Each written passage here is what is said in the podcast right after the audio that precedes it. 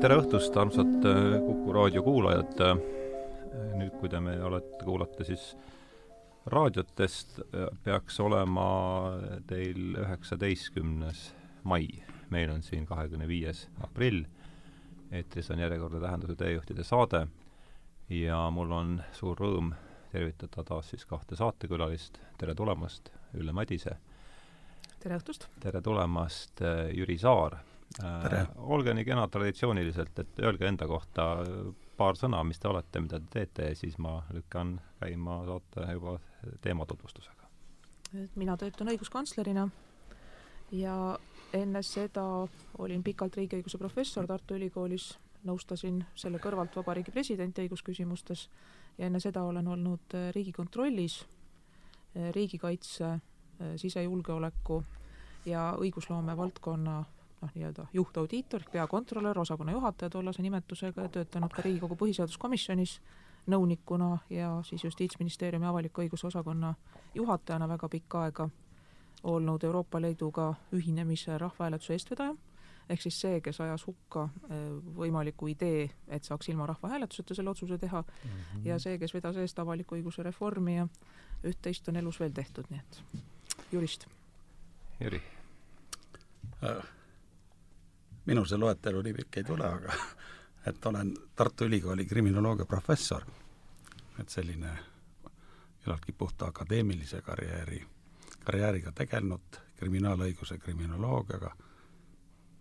enne ülikooli töötasin Riigikaitse Akadeemias, enne Riigikaitse Akadeemiat ülikoolis ja selline ah, nüüd sel kevadel olin lühikest aega Riigikogus ka asendusliikmena uh. -huh ja mina tahaksin kiita Jüri, sest et nendel õiguskomisjoni istungitel ja Riigikogu täiskogu istungitel, kus Jüri sõna võttis, näitas ta minu arvates parimat Riigikogu liikme taset, kuivõrd oli pöördtõendamise küsimused endale läbini selgeks teinud ja meie ametkonna inimestel oli väga hea meel leida väga asjatundlikku mõttekaaslast.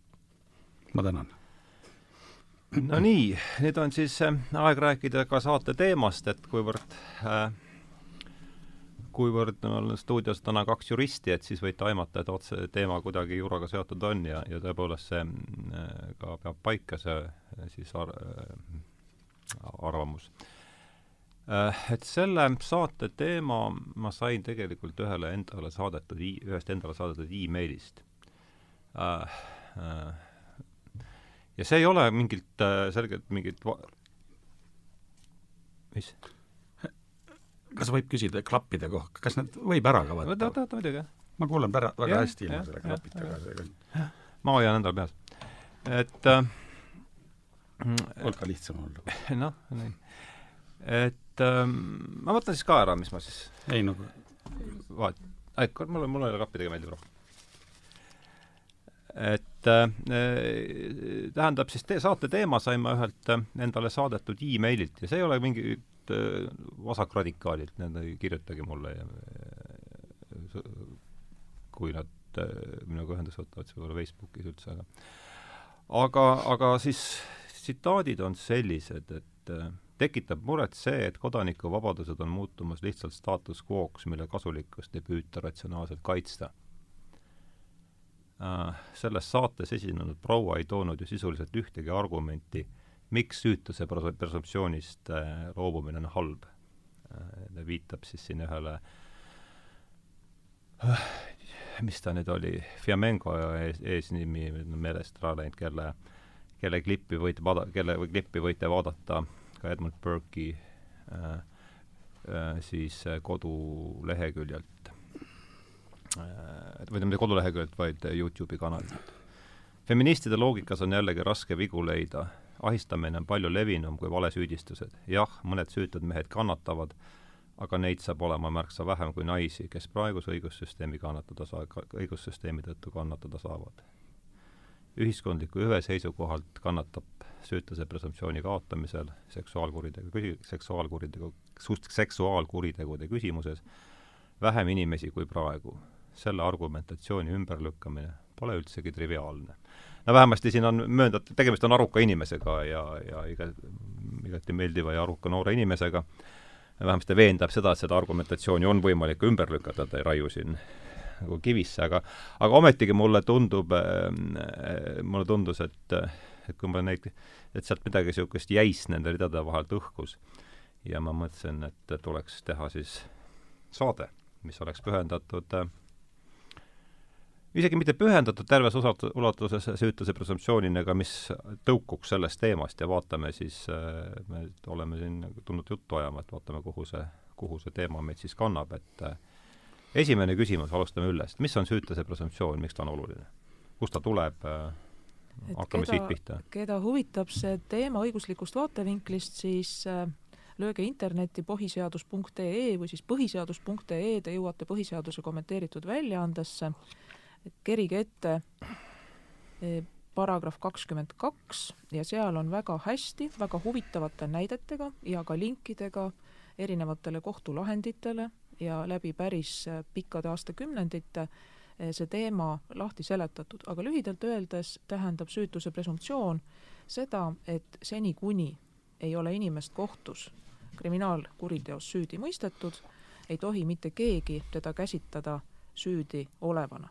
Et ehk siis eh, noh, minu jaoks on väga oluline mõte siin ka see, et inimesel peaks olema erakordselt häbi olla kurjategija. noh, kui tegu on vaba ühiskonnaga, et loomulikult autoritaarsetes ühiskondades on sageli kuriteoks muudetud miski, mis tegelikult äh, rahva südametunnistuse seisukohalt äh, kuritegu ei oleks. aga kui tegemist on vaba ja demokraatliku ühiskonnaga, kus kuriteoks on loetud sellised teod, mis rõhuva enamuse inimeste headuse tunnetusega lähevad vastuollu, et siis äh, inimene, kes on selle teo tõesti toime pannud, karistada saanud, süüdi mõistetud, et tal peaks olema häbi ja ta peaks kandma oma karistuse ja hiljem siis oleks inimlik jälle omakorda talle ka ühel hetkel andestada ja anda võimalus siis nii-öelda heade inimeste sekka tagasi tulla. ja, ja kui kuritegu ja karistus on tõsised asjad, siis järelikult ei tohiks kergekäeliselt kellegi kohta neid sõnu ka pillata ja kui sa siin alguses küsisid, et või täpsemini, et sinult küsiti, et miks süütuse eeldamisest loobumine oleks halb, siis noh, lihtne inimlik vastus on see, et sellest saab igaüks aru siis, kui tema ise Just. on jäänud hammasrataste vahele ja ka praeguses õiguskantsleri ametis paraku ma need, neid juhtumeid olen näinud küll, kus õnnetute asjaolude kokkulangemisel ühel hetkel inimene peetakse kinni, otsitakse läbi, see asi läheb meediasse ja mõnikord tuleb välja, õnneks on need pigem harvem, aga, aga siiski neid juhtumeid on, et oligi asjaolude kokkulangemine, tegelikult seda kuritegu see inimene toime pannud ei olnud. ja vaata, need inimesed, kes on selles olukorras, saavad kohutavalt hästi aru, et miks see süütuse eeldamine ametlikult on oluline aga absoluutselt kindlalt on piiripealseid juhtumeid, ma usun, et me nendeni jõuame, et kus tegelikult ka üksnes kahtlustusest kellegi vastu, näiteks pedofiilias, piisab selleks, et see inimene kaotab töö. sest lihtsalt teist võimalust ei ole, me peame jälle rääkima ka ühiskonna moraalist ja südametunnistusest. Mm, jah. ega, et äh, muidugi on ta meie põhiseaduses ja Eesti, Eesti on lääne, lääneriik ja lääneliku õigusega, aga meile on ta ka ikka kusagilt tulnud ja, ja ma võib-olla siin võiks kõigepealt äh, tsiteerida ühte, ühte väga head õigusfilosoofi äh,, Harold Berman, kes on, kes on, kes on öelnud, öelnud sellist, sellist asja, et äh, erinevates äh, erinevates maades, erinevates õiguskultuurides on, on side religioosse ja õigusliku metafoori vahel erinev ja, ja läänes on nad selline õiguslik, ta kasutaski sellist väga head, head, head väljendit metafooride vahel, õiguslik ja religioosne on teineteisest väga selgelt eraldunud. see ei ole niiviisi vene, vene kultuuris, vene õiguskultuuris rääkimata islamist, ja, ja nüüd tulemegi noh, sel-, seda siia, siia edasi, et mida, mida see eraldatus ikkagi tähendab, see, äh, see on meie õigussüsteemi sellised baasarusaamad, et õigust või öö, äh, mõistab öö, äh, ka valitsejast sõltumatu kohus.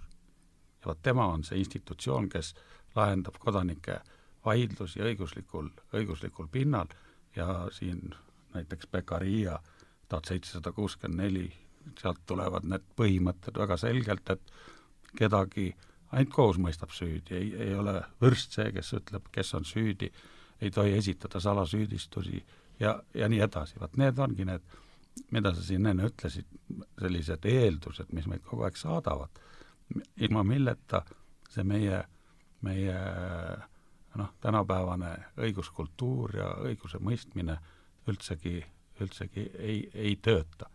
ja, ja tõepoolest see äh, äh, mis siis selle äh, süütuse presumptsiooni vastand on?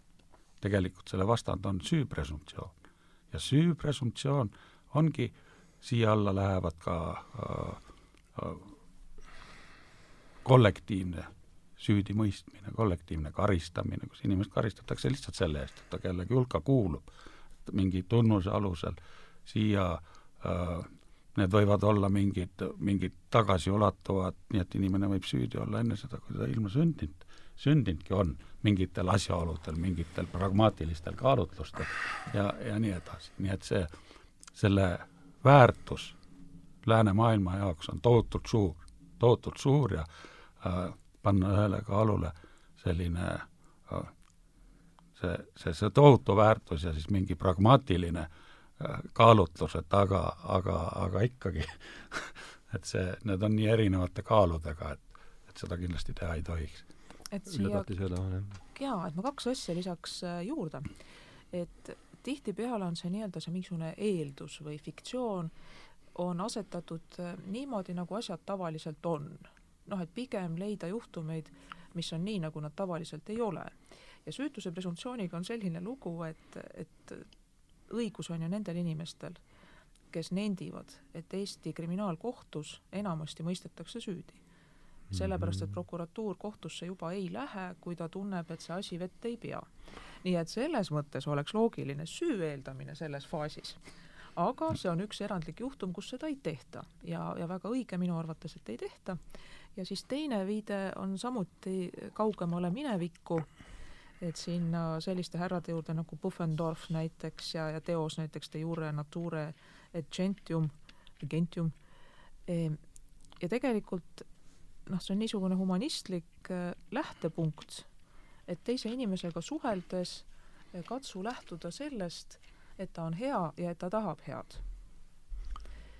et ma ise pigem sisemiselt katsun ka elada nii, et ma eeldan teisest inimesest head, et isegi kui midagi läheb valesti, et siis ma tahan loota, et see oli eksimus, teadmatus, et inimesed ongi kergelt ebatäiuslikud, ma ise olen ka, aga et ma tahaks uskuda, et inimene tahab olla hea inimene, ta tahab pälvida teiste tunnustust, eh, tahab oma hinge eest hoolt kanda.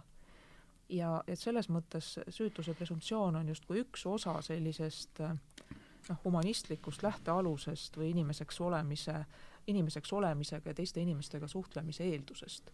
sest kui nüüd jälle kujutleda seda maailma, kus me eeldaksime, et meid ümbritsevad üksnes pätid, vargad, kaabakad, eh, lurjused, et siis ma kardan, et see murraks meid psüühiliselt mhm. ära. et see lihtsalt murraks psüühiliselt ära ja selles mõttes tundub, et, et vähemalt sellises kõige tõsisemate inimühiskonna koos tegutsemise reeglite vastu eksimise asjades, nagu on kriminaalkuriteod tapmised, vigastused, varastamised, röövimised, riigireetmised, et, et seal tahaks, et riik kindla ja sõltumatu käega, sõltumata sellest, kes on parasjagu valitsuses või president või Riigikogu enamus, et sõltumatult, asjatundlikult, aeglaselt seletab välja, mis juhtus, kes on süüdi, mõistab õiglase karistuse ja et mina kodanikuna saan uskuda, et kui see inimene on süüdi mõistetud, siis tema süüdi on ja seda õiglast karistust nüüd kannab. kui teda süüdi ei mõistetud, järelikult siis tema süüdi ei ole et, et mina väga tahan seda, et enamik inimesi on head ja see vähemus, kes on teinud kurja, et need on selgelt ja usaldusväärselt märgitud. nii et lisaks sellisele inimeseks olemise baasile ja alusele on siin ka teatud usalduse küsimus. Ja muidugi, muidugi need on, need on humanistlikud ja valgustusajastu ideed ja, ja siia, siia juurde, need on ikkagi mõeldud vabadele inimestele. vot see on, see on ka üks väga suur eeldus, süütuse, süütuse presumptsioon, kui seda hakkab, hakkab äh, rakendama äh, ütleme ka enda käitumise suhtes, inimene, nimetame teda jutumärkides orjaks ja irvitab näkku, ütleb, et aga sa tõesta, et ma seda tegin kõigepealt. ja, ja see, see omandab hoopis teise värvingu, see, see, see vastutus äh, noh, ja see inimese pilt ja üldse karistusõigus, see tuli, see tuli väga selgelt valgustusajastult, see ongi Beccaria ja Bentham. et inimene teeb valikuid ja vastutab, vastutab nende valikute eest. ja, ja see, need asjad käivad koos, süütuse presumptsioon ilma, ilma vastutusvõimelise inimeseta kaotab oma tähenduse. Ja lisaks eetika peaks olema laiem kategooria kui niinimetatud legalistlik eetika, mis on väga kitsas ja mis on nüüd täpselt see, millele Jüri viitas, et üks osa inimesi, aga õnneks ma ütleks jälle, et see on vähemus ja ka see on osa siis headuse ja süütuse presumptsioonist, et, et ma nii väidan, aga üks osa inimesi tõesti arvab, et noh, vusserdan maksudega, ületan kiirust, sõidan purjus peaga eh,, rikun seadust nii, nagu oskan, aga niikaua, kui pole kinni püütud, niikaua pole varas, järelikult ma ei ole eksinud, järelikult ma ei ole ka moraalireeglite vastu eksinud mm. ja et see on nüüd juba hoopis teine asi, et tegelikult lisaks kirjutatud normidele, kohtumenetlusele, karistusele on olemas ka need kirjutamata inimsuhted, sotsiaalsed normid, mida keegi pole kirja pannud.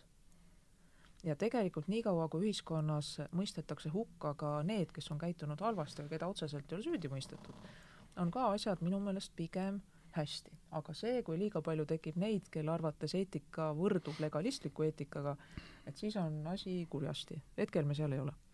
ma küsiks lihtsalt vahele paar, täidaks paar kahetsusväärset lünka oma hariduses. tuhat seitsesada kuuskümmend neli Bentham ja Beccari. Beccaria. E, kuidas Cesare Beccaria kuritegudest ja karistustest, see on Cesare... klassikaline tekst. kuidas sa teda üldse, ma pole seda nimegi kuulnud ausalt öeldes no tasuks kuulda, et mingi see on õigusteadus, me nüüd kiitleme oma ja, ja ei, aga äh, selleks me siin istumegi, et saaks uusi nimesid. mis ta, kuidas, kuidas kirjutatud üldse, Pek-, nõrga kahe C-ga mhm. ja nõrga B-ga. I, IE lõpus? IA. IA, Itaalia. ahah, Pekari. Itaalia, ta oli noore, noore teose nimi on? kuritegudest ja karistustest. kuritegudest ja karistustest, see on selline, selline pealt saja lehekülje natukene traktaat, avaldas anonüümsena kõigepealt ja kus pani kirja öö, uued põhimõtted, kuidas, kuidas suhtuda kuritegudesse ja karistustesse. ja seal olid punkthaaval toodud, toodud välja, miks üldse karistatakse kuritegude eest, see on üldi, üldine hüve, inimesed ei saa ilma elada.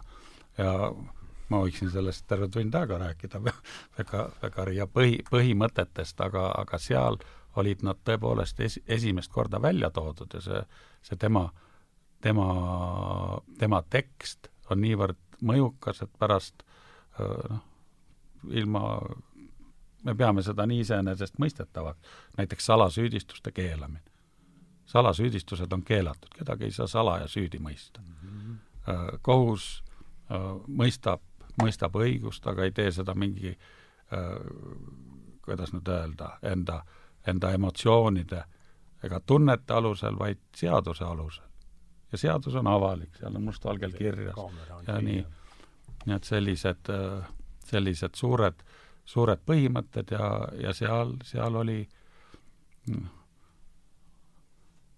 seal oli siis muuhulgas, muuhulgas ka öeldud jah, seesama äh, puhtalt välja toodud, kuigi tema ei olnud esimene, kes seda põhimõtet, seda on juba antiikajal on räägitud, et enne kui ei ole süüdi mõistetud, on inimene süütu, aga see, selles kontekstis, et ke-, kohus on see, kes ütleb, kes ütleb, kas puhas valgustusajastu jah, puhas val-, valgustusajastu, see uus, uus inimese, uus inimese pilt, inimese kujutus, kuidas seesama õiguslik metafoor hakkas väga selgelt eralduma religioossest metafoorist.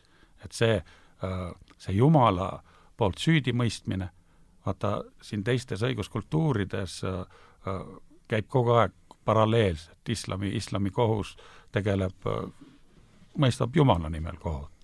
ja seal on need maapealsed taevased asjad nii sassis, aga vaat läänemaailma õiguse mõistmisest tol hetkel ta eraldus see, mitte et oleksid inimesed massiliselt uskmatuteks muutunud, vaid öeldi, et see, mis seal pärast surma ja taevas toimub, sellest me päris täpselt ei tea, aga me proovime niiviisi elada, et seal ka halbu ei oleks. aga maa peal äh, sääme me enda elu ikkagi maapealsete seaduste järgi, inimeste loodud seaduste järgi, mis on inimeste loodud inimeste enda jaoks, mitte kusagilt taevast kukkunud. siin võib-olla võib mainida ka kohtuistungi avalikkust. Mul endal ja. siin oli just mõne aja eest äh, tarvis selgitada ajakirjanikele, et miks ühel konkreetsel juhtumil, kui kahetsusväärselt üks ema äh, tappis ettekavatsetult ehk siis mõrvas ühe teise inimese, tal oli kolm last, äh, mitte sellel nüüd ohvril, ohvri lastest ma hetkel ei tea, aga mõrvaril oli kolm last ja on kolm last. ja et miks ei kuulutatud kohtuistungit kinniseks, kuivõrd kaitsja oli öelnud, et mõrvaril on lapsed ja et kui kohtuistung ei ole kinnine, siis see informatsioon liigub ka nende kooli ja tutvuskonda ja et neid hakatakse kiusama ja siis ma seletasingi, et asi ei ole mitte kohtuistungi avatuses ja kinnisuses, vaid ajakirjanduseetikas. ja kohtuistungi avalikkus on üks väga suur väärtus, just nii, nagu seda praegu Jüri rääkis, et tegelikult inimesed, näiteks selle ohvri omaksed, peavad saama tulla ja kuulata ja vaadata seda, mis kohtusaalis toimub mida tunnistatakse, mida see seadus siis ütleb, mida prokurör räägib, mida kaitse räägib, milline see mõrvar välja näeb või siis tollel hetkel alles mõrvas süüdistatav mm. inimene, kes on kohtu alla antud. et kõik see on oluline selle õigusliku rahu ja tasakaalu säilitamiseks ja oma kohtu ärahoidmiseks. ja selles mõttes ma mm-hmm. ütleksin, et see kohtu avalikkuse printsiip, kus täpselt inimene ei ole ju veel süüdi mõistetud, ta alles seisab süüpingis, aga kohtuistung on avalik, tihti on seal ajakirjanikud saalis Eestis tihti lubatakse ka fotografeerida, isegi filmida, aga see teenib sedasama eesmärki, et õigusemõistmine ei tohi olla salajane, arusaadamatu, et see peab ühiskonnas looma usaldust ja rahu. aga hoopis teine asi on nüüd heaks inimeseks olemine, kui sa oled ajakirjanik või siis mis tahes muu inimene selles kohtusaalis. ja kui sa tead, et sellel inimesel, keda süüdistatakse jõhkras mõrvas ja kõik need detailid kantakse seal kohtusaalis teatavasti ette ja kui sa tead, et tal on paar teismelist ja üks väiksem laps koolis, see inimene, kes on kohtu all, ei ole avaliku elu tegelane, siis minu arvates sinu asi ei ole temast avaliku elu tegelane teha, sest need lapsed kannatavad. ja, ja see oli jällegi selles mõttes väga huvitav juhtum, et kus jällegi mina ei soovitaks mitte mingit õiguslikku regulatsiooni karmistada või et kohtuistungeid sulgeda ajakirjanike ja, ja teiste huviliste eest, vaid pigem igaühel oma hinge eest hoolt kanda. sa näed, sa kuuled, sa tead, aga ole hea inimene, mis tahes ametit sa pead, ja kui ei ole hädavajadust, et siis sa ei pea teise inimese lapsi sellesse olukorda panema, kus sisuliselt nende ema suhtes tollel hetkel alles süüdistused, kahtlustused väljenduvad nende kiusamises, alavääristamises ja nendel, nendele häbimärgi külge pookimises ja noh, veel hullem, et kui see inimene on juba mõrvas süüdi mõistetud, et siis tema lastel on täielik õigus minna oma eluga edasi ja mitte kellelgi pole õigust eeldada, et kuna nemad on mõrvari lapsed, et siis ju on nendega ka midagi viltu. ja siin võib-olla veel üks märkus, et nagu Marju Lepajõe väga kenasti on seletanud ka Postimehe vist üle-eelmise aasta arvamusliidrite lõunal peetud kõnes, et siis kuulujutud on alati olemas olnud. ka sellised kuulujutud, et noh, et kui vana et, et kui vana Aadu oli juba varas, et no ega see poiss ei saa tal teistsugune olla, nii kui isa ees, nii poiss järel. et noh, et eks seda on ju alati ikka räägitud. aga lihtsalt nüüd on vahe selles, et see kõik jääb netti üles mm, -hmm. on näotuvastusprogrammid, varsti on sellised äh, kvantarvutustehnoloogiad liiga paljudele kättesaadavad, mis võtavad lahti ka noh, praktiliselt kõik paroolid, otsivad kõik andmebaasid läbi nii et sellepärast ma lihtsalt ütlen, et praegu mulle tundub, et inimestel oma hinge ja hea ja kurja tundmise puuga tuleb teha väga-väga tõsiselt tööd. nii see, ma küsin lihtsalt vahele üks teine asi, mis siin selle tuhande seitsmesaja kuuekümne neljanda juures veel, et ähm, meil lõpeb enamik asju kriminaalkohtutes süüdimõistmisega, et kas see on on siin riikide lõikes ka mingi statistika, kas me paistame siin silma või, või on see et kas selle kohta, on, on selle kohta üldse mingeid rahvusvaheliselt võrreldavad andmeid? no ikka on, nagu õigussüsteemid on erinevad, erinevad, et lihtsalt küsimus ongi selles, et kas et kas kohtusse minnakse võistlema noh, juba nii-öelda igaks juhuks või tegelikult on asjad seatud niimoodi, et kui prokuratuur näeb, et tõendid kokku ei tule, et siis ta pigem sinna välja ei lähe et pigem juba siis kas enne lepitakse kokku, võetakse see süü enne kohut juba omaks, nii et kui see asi sinna jõuab, et noh, siis tõesti on üsna tõenäoline see süüdimõistmine, aga ka Eestis on, Jüri nüüd parandab, on see asi ju muutunud, sellepärast et just kuna nüüd palju asju lahendatakse juba enne kohut ära, et kui minnakse sinna üldmenetlusse, et siis sageli on ka tegemist näiteks väga keeruliste majanduskuritegudega mm, -hmm. kus asi ongi väga keeruline, nii asjaolude ja. mõttes kui ka õigusnormide mõttes. Ja, ja siis äh, noh, on ju ka õigeks mõistetud, kui me võtame kas või sellesama Kaur Kenderi juhtumi, et siis siis jällegi prokuratuur pidas seda enda jaoks väga oluliseks Äh, põhimõtteliseks vaidluseks ja vaidlus lõppes sellega, et mõisteti kirjanik õigeks. nii et õigeksmõistmisi on meil ka noh, ikka küll küll. ma, ma ei tea, kas meil, meil on kusagilt selline eksiarvamus liikvele läinud, et meie kohtutes, kes juba kohtu all on, et ta kindlasti süüdi mõistetakse. et see, nagu, nagu Ülle siin enne, enne ütles, see, see, see sõltub eelkõige menetluse menetluse tüübist. ja, ja selline äh, võistlev, võistlev menetlus, seal säilivad, äh, säilivad sellised õigeksmõistmise võimalused oluliselt suuremal määral kui, kui, kui sellel äh, ta oli, süüdistav või inkvisitsiooniline, inkvisitsiooniline, kus on e eeluurimise käigus, on juba, juba sisuliselt paika pandud ja kui seal, seal on leitud piisaval hulgal nii-öelda Äh, mittesüüstavaid tõendeid ja argumente, siis äh, lõpeb lihtsalt ära, enne kui ta kohtusse jõuab, see asi. nii et äh, aga kui ta juba kohtus on, siis on õigeksmõistmine väga, väga väikese tõenäosusega, aga mis Eestis on, kuigi meil on siin võistlev, võistlev kohtumenetlus, siis tõ-, tõepoolest kriminaalasjades minu meelest alla viie protsendi juba on üldmenetluses üldse mm. -hmm. Need lahendatakse enne ära kokkulepetega, prokuratuuri nii et see, see on hoopis teine temaatika. saime nüüd õigesti aru, et ainult viis protsenti nendest algatatud asjadest jõuab kohtusse? ah, nii vähe veel? viis, viis protsenti sellest üldmahust meie, meil on juba praegu tegelikult äh, seda on vale üld, üldmenetluseks üldse nimetada, viis protsenti sajast ei ole üld, et mingi see on no see on jah, erandmenetlus jah, siis need, mis, aga ikkagi enamus juhtudest, kus tegelikult süüdistuse esitamiseni jõuab, et tõepoolest see inimene ka ikka noh, süüdi mõistetakse. aga see ei tähenda, et ne... kõik mõistetakse. nii et, äh, nii et sedasi on selline praktiline pool. no aga selge, nüüd on mingi pool tunnikest siin istutud, et võib-olla ongi hea minna järgmise sellise suurema ploki juurde, jäi kõrva see mm, Jürilt kuuldud, Harold Berman oli see. Berman, jah ja et see väga huvitav lause, et side religioosse ja, ja siis või, või religioossete ja õiguslike metafooride vahel.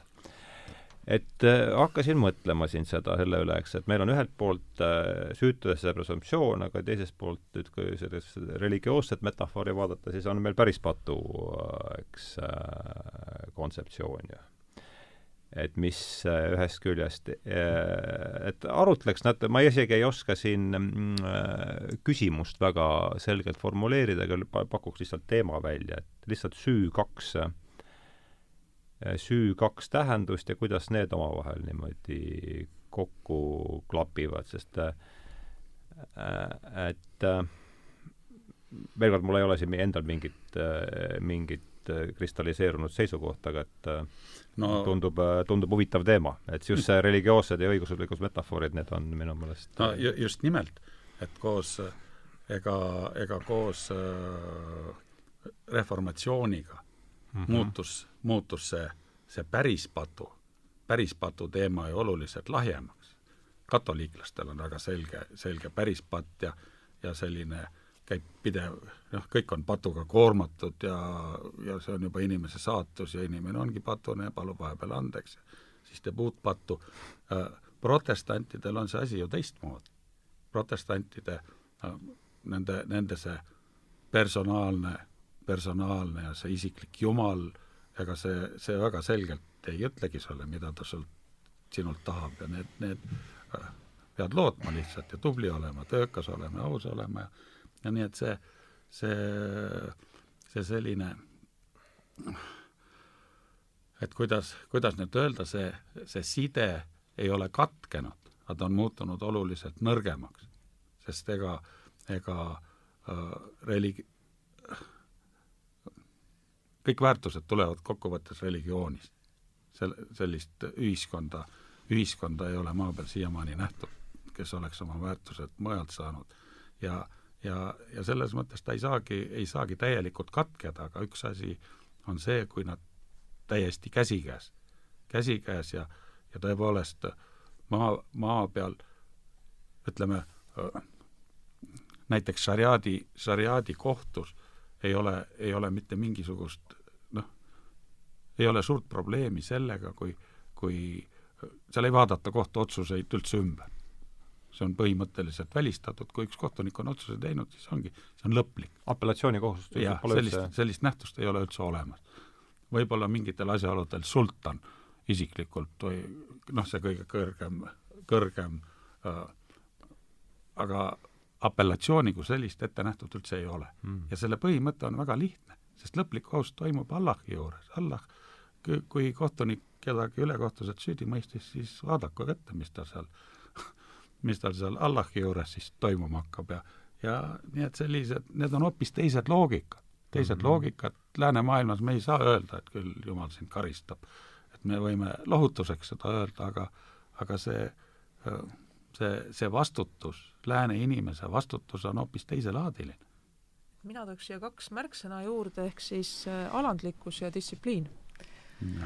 Ja religioonid on ju samamoodi erinevad ja ju nad sõltuvad palju kultuurist ja sellest, milline on inimelu hind ühes konkreetses koosluses ja kas see kooslus on individualistlik või kollektivistlik või kuskil seal vahepeal.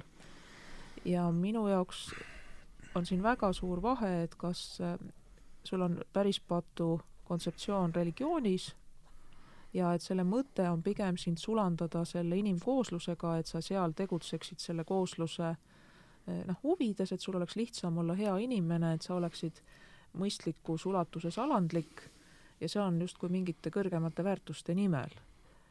E, ja juhul, kui seal taga ei ole siis riigivõimu ja sunnijõuga kokku kasvanud äh, kirikut et siis ma ei oska selles näha kuigi palju halba, et see on iga rahva oma valik ja elu ja see on nende asi, aga vot nüüd, kui me ütleksime, et me peame inimese süüst ja sellest, et ta on patune, lähtuma riigivõimu palge ees, et ehk siis, et me surume riigivõimu, valitseja ees inimese alandlikku ja distsiplineeritud positsiooni, et siis see minu arvates on hukutav ja väga ohtlik. Ja sellepärast mulle tundub, et on väga hea et, et siin on religioon ja, ja kohtupidamine on läinud noh, eraldi, sest et seda, just seda ei tohi teha ja see on ka üks asi, mille nimel ma oma ametis noh, kahjuks väga sageli pean võitlema ja ka sõna võtma, et sa ei tohi tekitada olukorda, kus põhimõtteliselt iga inimest saab millegi eest karistada.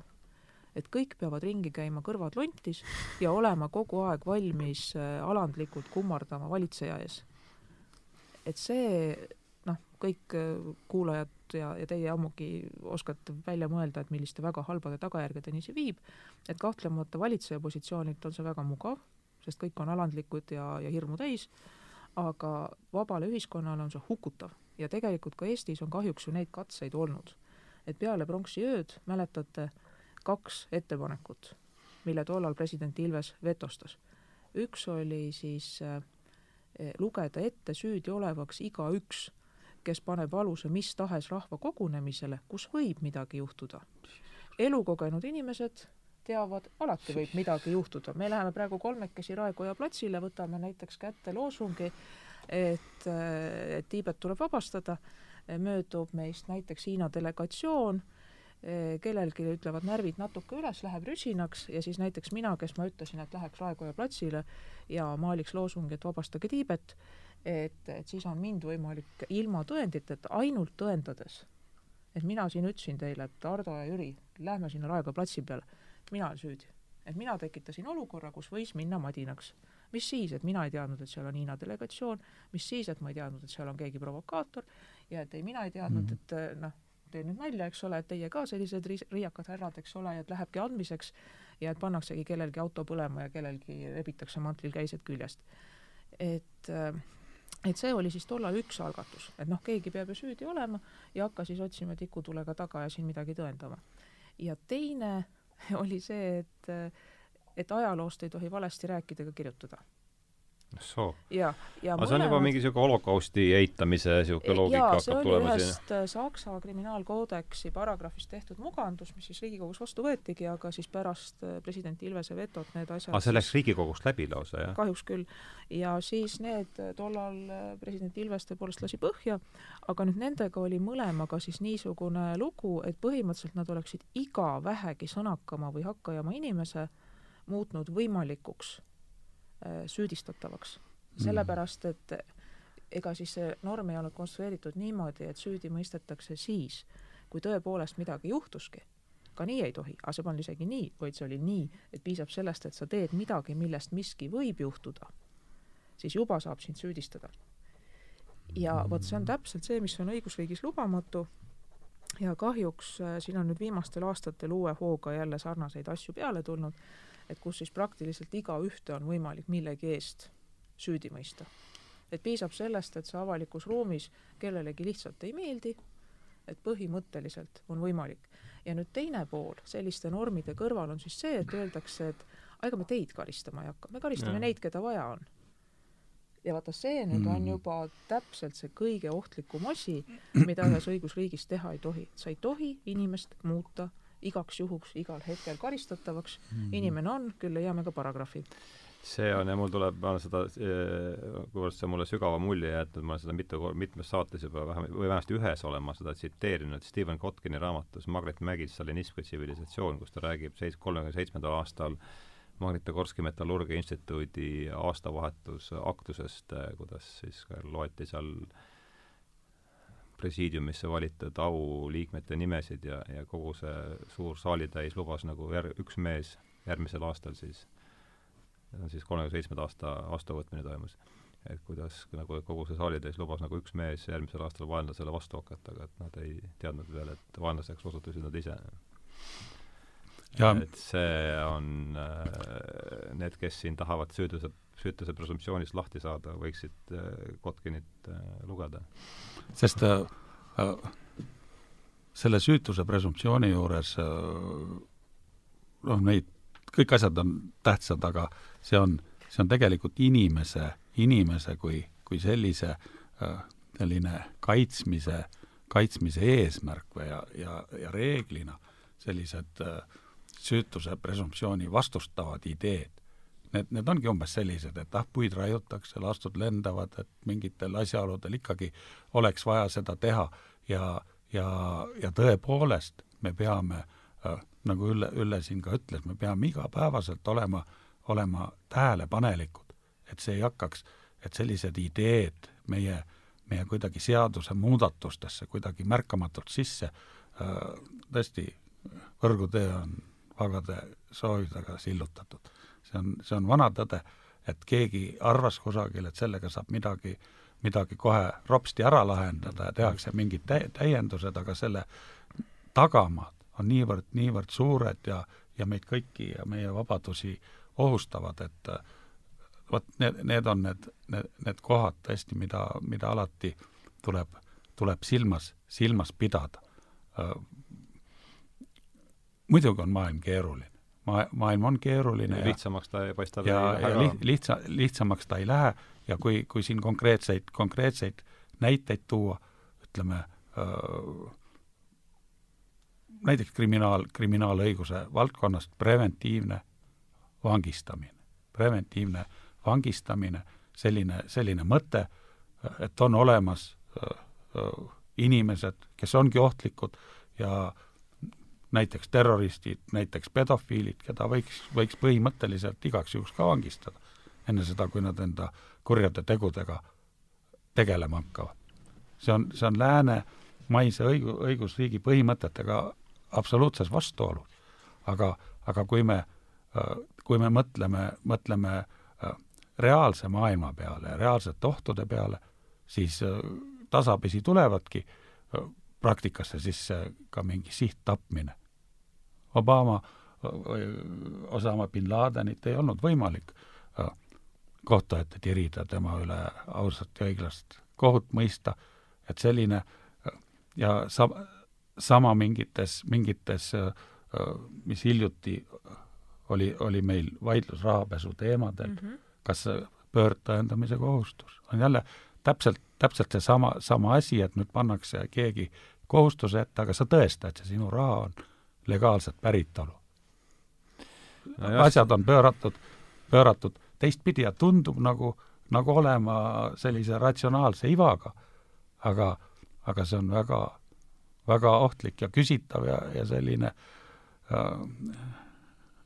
sada korda tuleb mõelda, enne kui selliseid, selliseid asju sisse viia, aga kindlasti mõni ametkond, kusagil keegi, tavaliselt on tegemist pealiskaudsete inimestega ja nad äh, ja teevadki heas usus heas usus selliseid ettepanekuid, aga teeme selle asja nii, siis hakkame neid asju väga lihtsalt lahendama ja, ja enam probleeme ei ole.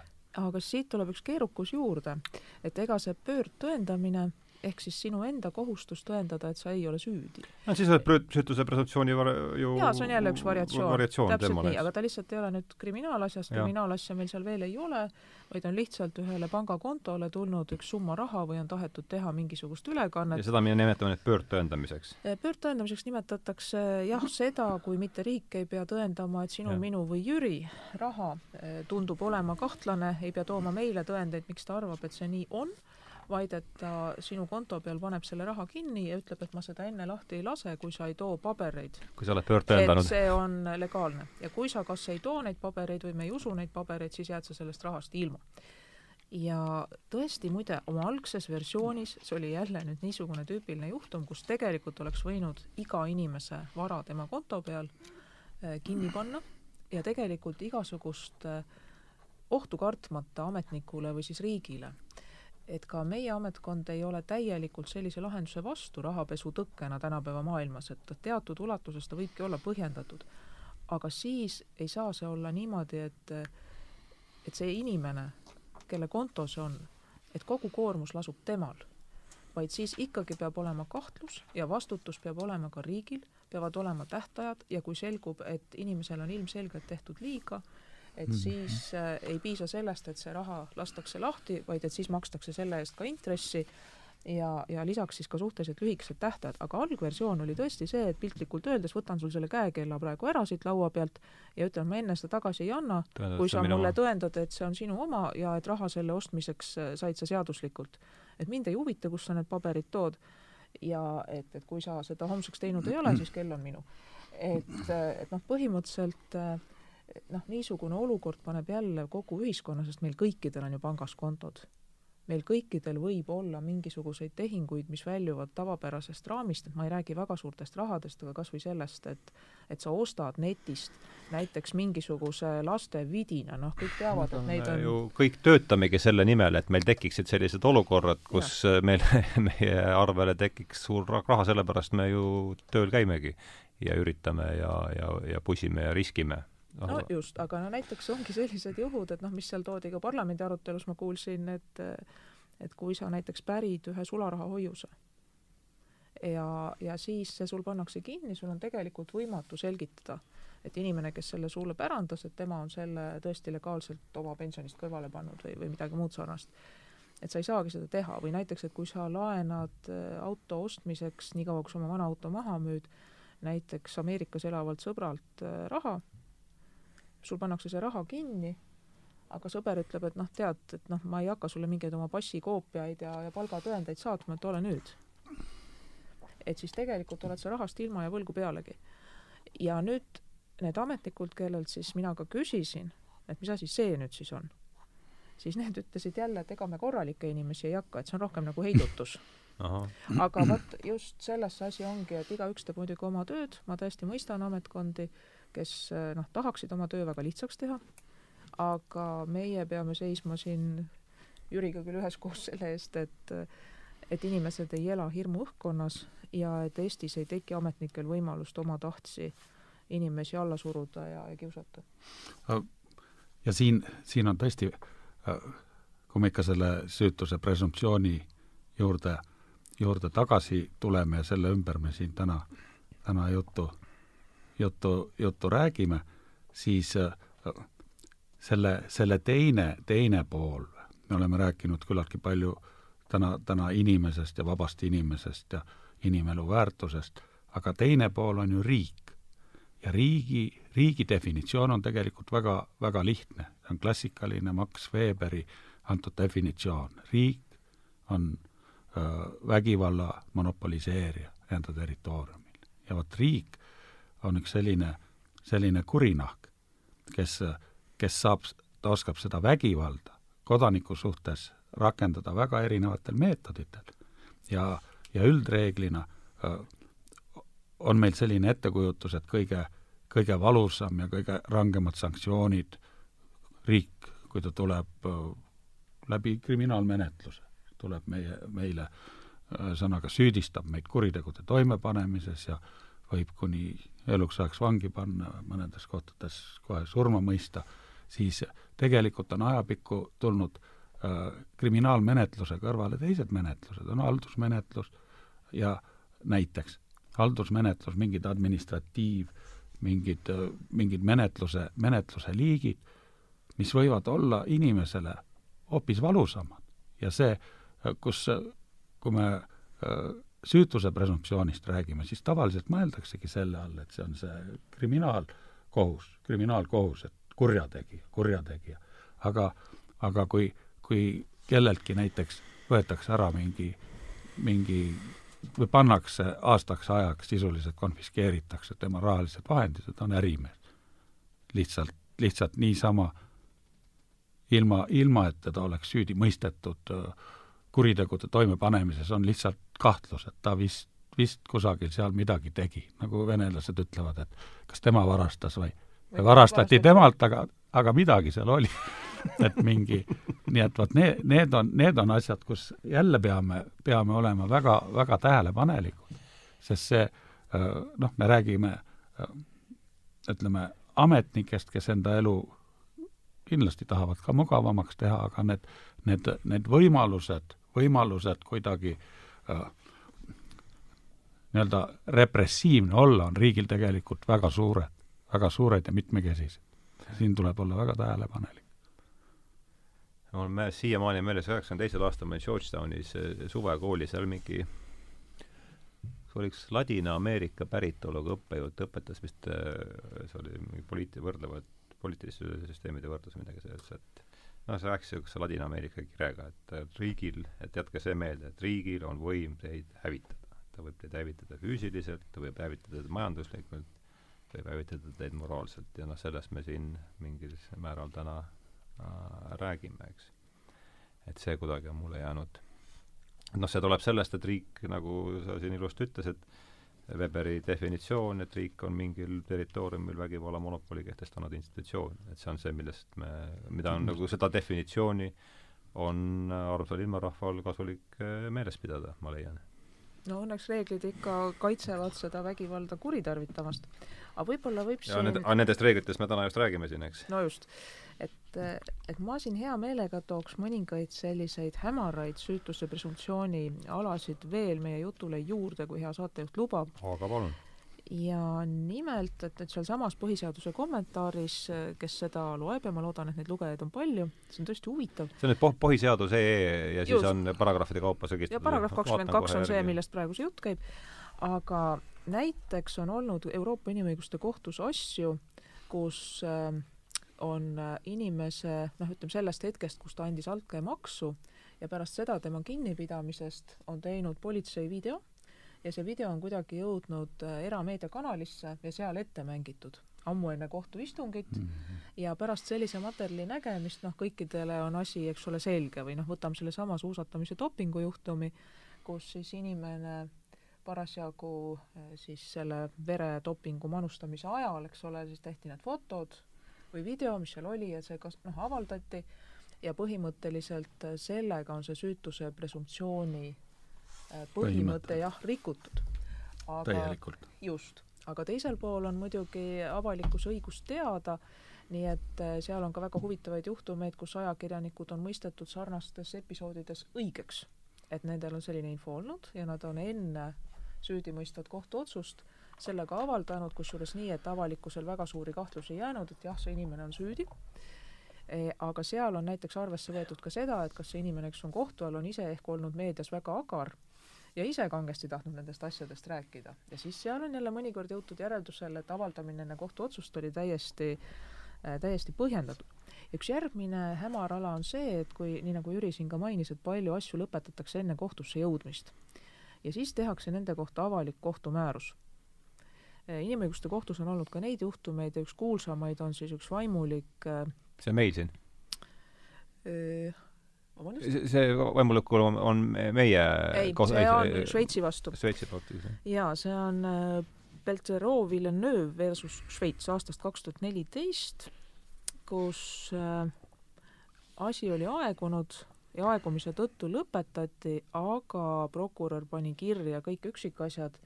Äh,, mälu ei peta, siis oli tegemist äh, noh, ahistamisjuhtumise, ahistamisjuhtumiga või noh, lapse väärkohtlemise juhtumiga. Ja ta pani selle kõik sinna kirja, vaimulik kaebas. Ja läks ka sedapidi, et Inimõiguste Kohus leidis, et tema õigusi on rikutud. et tegelikult see asi kohtusse jõudnud küll aegumise tõttu, süüdi teda ei mõistetud, aga selle asja lõpetamise määruses pandi kõik detailid kirja niimoodi, et avalikkus eh, tegi järelduse, et see inimene on need teod ikkagi toime pannud ja ta on süüdi. ja on olnud ka lausa selliseid juhtumeid, kus inimene on kohtus õigeks mõistetud, et jälle see nüüd ei ole Eesti juhtumid, ja siis on äh, asja ajanud prokurör läinud kaamerat ette ja öelnud, et noh, kohus mõistis õigeks küll, aga tegelikult on süüdi. noh. Mis sa oskad kosta selle peale? nojah, siis järeldas muidugi küsimus, mis järeldused avalikkus sellest, äh, sellest, sellest, sellest ja, teeb? ja, ja muidugi, muidugi, kui seda, seda süütuse presumptsiooni ja seda nüüd võtta, võtta kuidagi, kuidagi punkt punktilt ja, ja, ja eriti võistlevat, võistlevas menetluses, võistlevas menetluses äh, kiputaksegi seda väga, väga sageli adva-, see on advokaatide leib ju, leida, leida äh, tõendi loomisel seaduse rikkumisi, et see tõend langeks ära, kokku to-, lõppkokkuvõttes võib, võib ära langeda või langeb ära terve, terve süüdistus ja ongi õigeks mõistmine. Siis, siis võib-olla, võib-olla need meie Eesti, Eesti, Eesti juhtumid, see on nagu selle süütuse presumptsiooni, ma ei taha öelda varjupool, aga, aga noh, iga asja saab no,, saab halv, halvasti kasutada, aga seda ma olen, ma olen alati kuidagi kujutanud ette või olen mõelnud, et, et selliste asjade üks võimalus kuidagi neid, neid äh, vähe, vähemaks teha, et selliseid asju juhtub, on ikkagi, ikkagi selline vandemeeste, vandemeeste kohus mm, -hmm. kes, kellele, kellele esitatakse ikkagi kõik poolt ja vastu tõendid, kelle, kelle ees küsitletakse eksperte, kes peavad, peavad ka enda arvamusi seal põhjendama ja, ja nende, nende selline noh, siis, siis tuleb kohtusaali seesama inimeste inimeste õiglustunnega, kuigi, kuigi see ei ole ka, ei ole siin maailmas midagi absoluutset, aga, aga, aga on äh,, ikkagi ta annab, annab veel mingi, mingi võimaluse selliste asjade äh, ära, ära nojah, ega siis kohtusüsteemist tuleb ju, kui nüüd statistika kõnepruuk tuua mängu, tuleb ju nii esimest kui teist tüüpi vigu, et et, et see on äh, lihtsalt, vale positiivsed ja vale negatiivsed. just nimelt, et see on ka ju noh, see on tõsiasi, millega me peame,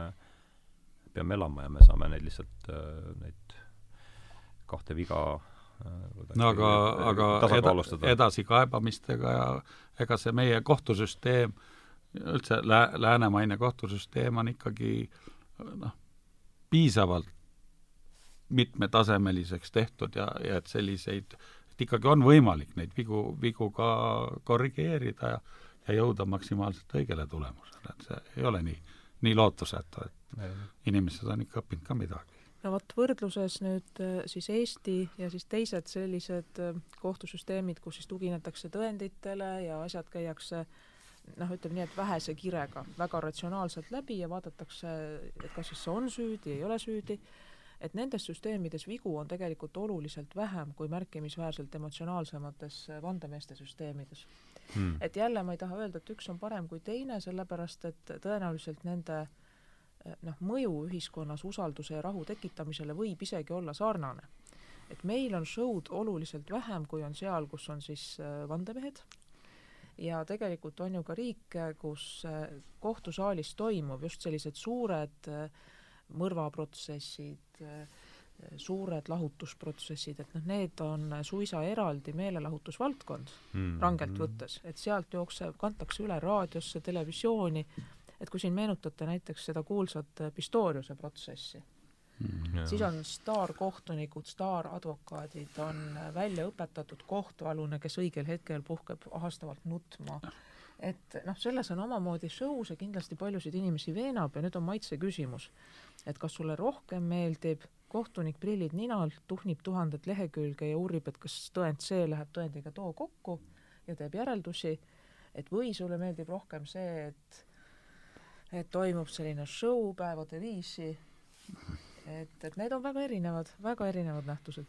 ja ilmselt ei ole ei ühel pohast äh, sellist äh, ideaalne lahendus pole kumbki, ma kujutan ette. täpselt nii, et see on nagu valimissüsteemiga, et kui sa võtad äh, ühemandaadilised ringkonnad ja isikuvalimised, proportsionaalse süsteemi, nii nagu see on siin meil ja Soomes ja Taanis ja Saksamaal ja ja, ja siis äh, mitmemandaadilised ringkonnad ja proportsionaalse süsteemi, et siis täpselt samamoodi on, äh, on selle vandemeeste ja siis noh, sellise meie tüüpi sellise range tõendamisega süsteemide erisused, et ühe plussid on teise miinused.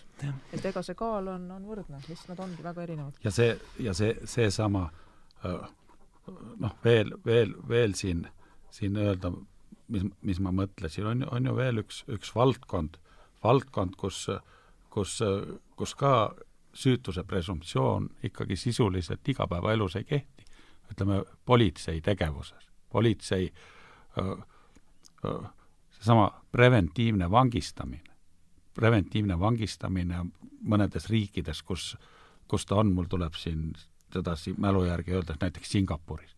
Singapuris on õigus, õigus öö, korra, see on politseiseaduse alusel, see ei ole kriminaalseadus. politsei tegeleb korra tagamisega, on õigus vahistada tähtajatult tähtajatult, tähtajatult usuäärmuslasi.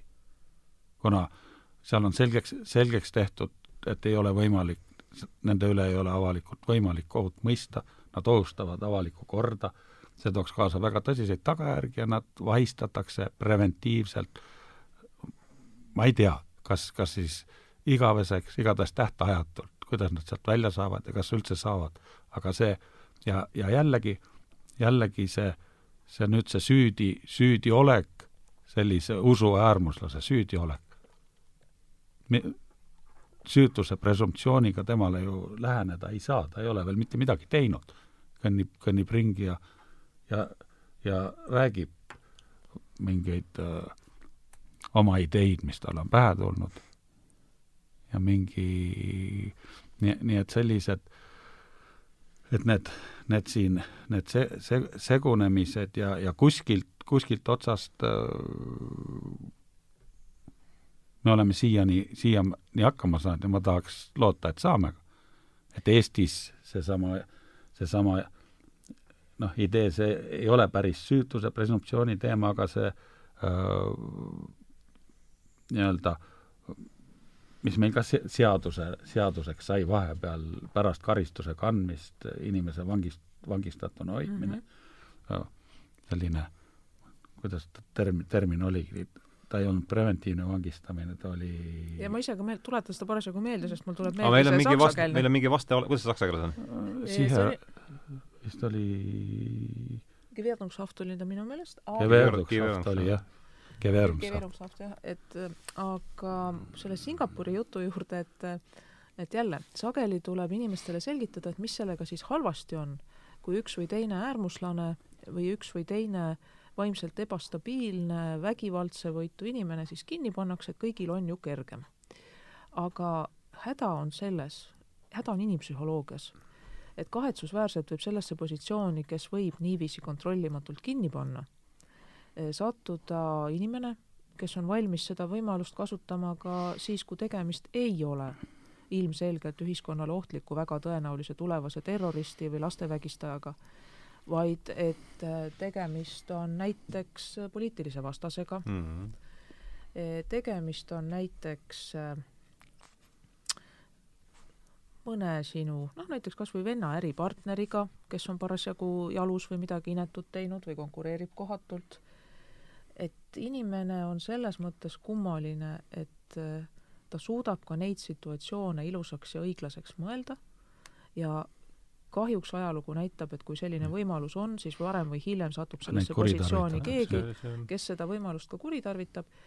Ja, ja jällegi sellepärast tasub pigem vältida niisuguse olukorra teket et, et loomulikult küllap olekski ideaalseim valitsemisvorm valgustatud monarhia, kus inimlike vigadeta isik juhib ühiskonda äärmise ratsionaalsusega, äärmiselt hästi ja õiglaselt aga häda on selles, et inimühiskonnas ei ole üldiselt sellist, ei ole mm -hmm. kellelgi leida õnnestunud. päris patukontse kasuks, kui teda hoida, hoida sellises mõistlikus raames, on ikkagi üht-teist, üht-teist nagu ütelda, minu, minu arvates vähemasti. no see is-, isiku enda jaoks inimlikud seadused ei kehti loomulikult, et mingi no, selle valits-, valitseja jaoks, kes see on see on Sebastian ütles vist ja vaevalt temaga siin nüüd nii, aga noh, et, et kui see et kui me oleme tehtud sellisest kõverast puust ja me ei tea usaldada, et kuidas siis, kus me, kus me siis need valitsejad leiame, kes, kes siis seda aga me oleme tunnikese, tunnikese siin nüüd koos olnud ja võtame võib-olla siis järgmise ploki ette. et noh, seni, seni kuuldust kokkuvõte teha süütuse presumptsioonist me alustasime, ka kasutame seda siis sellise läbiva, läbiva mm, nöörina, mille juurde tagasi tulla et me oleme siin kolmekesi ühel nõul selles, et süütuse presumptsioon on mõeldud välja selle jaoks, et kaitsta üksikisikut riigi eest, mis, tuletagem meelde siis Weberi definitsiooni järgi, on mingil territooriumil vägivalla monopoli kehtestanud institutsioon. Aga viimasel ajal me ei räägi enam nii väga, ühest küljest me räägime justkui käib siin äh, tohutu kisa nende üksikisiku vabaduste üle, aga, aga ütleme, sellised äh, ühelt poolt käib siis jah, see üksikisiku vabaduse ülistamine, teiselt poolt seesama seltskond tihti räägib sellest, et söötuse presumptsioon võib-olla ei olegi enam nii, nii oluline asi, nagu ma siin lugesin.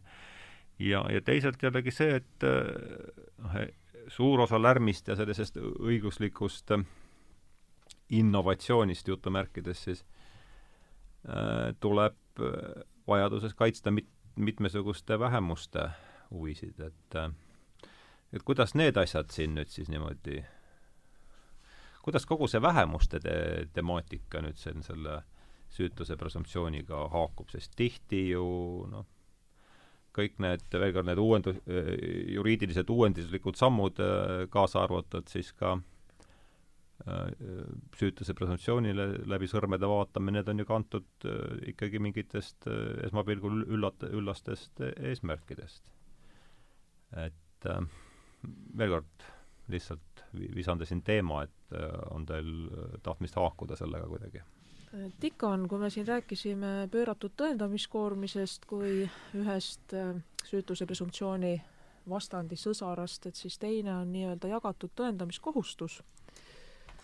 ja see on see on nüüd meie õiguspraktikasse jõudnud? õigus, ja nüüd on siis Eesti õiguskorras see ka olemas ja hea kuulaja leiab selle äh, soolise võrdõiguslikkuse seadusest ja leiab selle ka võrdse kohtlemise seadusest, kui ma nüüd seaduse nimesid õigesti siin suutsin hääldada. ja tõepoolest, seal on suhteliselt alguses paragrahv, mille pealkiri ongi jagatud tõendamiskohustus. ja paragrahv ütleb seda, et kui inimene pöördub väitega, et teda on näiteks diskrimineeritud sellepärast, et ta on naine või mees või teise nahavärviga või teise emakeelega või on tal mingid poliitilised veendumused, mida ta ka netis on avaldanud, et selle tõttu on tema töölt lahti lastud või äh, on tema palka vähendatud või on teda lihtsalt äh, kiusatud viisil, mida saab pidada diskrimineerimiseks, et siis, kui tema niisuguse süüdistusega tuleb, et siis sellel, keda tema selle jutuga süüdistab, tuleb tõendada, et tema ei ole diskrimineerinud vanuse alusel või soo tõttu või nii edasi et ma nüüd seda praktikat täpselt ei tea. aga see on juba meie tea-, seaduses? seaduses on see jah kirjas, mina julgen öelda, et õnneks ei läinud ta niimoodi, et noh, päris pööratud koormisena, et et, et see nii-öelda, kes süüdistab, ei pea üldse midagi tõendama, et ka neid ideid on ju olnud, et, et piisab sellest, et üldsõnaliselt öelda, et keegi on ahistanud näiteks, et siis see teine inimene peab suutma tõendada, et ta seda teinud ei ole, aga noh, minu jaoks on siin suured loogilised, inimlikud ja eetilised küsitavused, et kuidas ma saan tõendada, et ma ei ole teinud, mida ma ei ole teinud ja millest ma ei tea, et ma oleks teinud või kuidas oleks saanud teha, et ühesõnaga, see on see koht, kus aju plahvatab. ja ma ei tahaks sellist ühiskonda, kus äh, ei saa olla kellegagi kahekesi toas, kus sa, kus sa pead kõiki inimesi kahtlustama, sest tegelikult mina ütleks, et selline noh, kohustus olla pidevalt äh, valmis tõendama, et ma ei ole kellelegi midagi halba teinud, et see tegelikult sunnib ju teisipidi hakkama kõiki ligimesi vaatama kui võimalikke minu süüdistajaid milles iganes. ja see jälle tõmbab inimese psühholoogiliselt niivõrd äh, pingule, et tõenäoliselt paljude psüühika ei pea sellele seisule vastu ja vastupidi, tekib kas suur protest, tekib just see käitumine, mida muidu väldiks, tekib hirm, äh, allasurutus, hangumine, et noh, just see on, mille pärast mina jällegi ütleks, et, et süütuse presumptsiooni tuleks austada ja et kui ühel inimesel on teisele inimesele midagi ette heita, siis loomulikult võimalused seda konflikti ära klaarida peavad olemas olema. aga et me ei tohiks tekitada olukorda, et ükskõik kui õilsal eesmärgil noh, me peaksime üksteist kogu aeg kartma ja vot sellepärast jah, ma väga loodan, et sellest jagatud tõendamiskohustusest ei liiguta edasi ja et seda liialt karmilt ei rakendata, sest et noh, ma kujutan kuidagimoodi ette, kuidas näiteks, kui sul on avaliku teenistusse avalik konkurss ja keegi jääb kõrvale, ta ütleb, et ta jäi kõrvale sellepärast, et äh, ta näiteks, et tema vanus on selline, e, või sellepärast, et ta on näiteks internetis avalikult märkinud ennast mingi erakonna sõbraks ja siis selle tõttu noh, tööandja küllap jättis ta kõrvale, kuna talle see erakond ei meeldi. et noh, ma kujutan ette, et, et seal on võimalik eh, konkursi läbiviijal tõendada, et tegelikult oli aus konkurss ja see, kes võitis, võitis sellepärast, et ta oli parem nendes, nendes ja nendes asjades. aga et kuidas väljaspool seda on võimalik tõendada, vot seda ma hästi ette ei kujuta, et ma üldiselt ise kaldun mõtlema insenerlikult uudishimulikud, et ma väga tahaks teada, kuidas seda õiglaselt ja pädevalt teha. töölevõtmise konkursi puhul küll, vallandamise puhul ka, palga määramise puhul ma ütleks juba, et see asi on küsitav, et ilmselt kõik inimesed, kes on olnud pikalt tööandjad, noh, nagu ka mina näiteks olen, eh, noh, teavad, et kui keeruline kas või palkade ja preemiate küsimus on.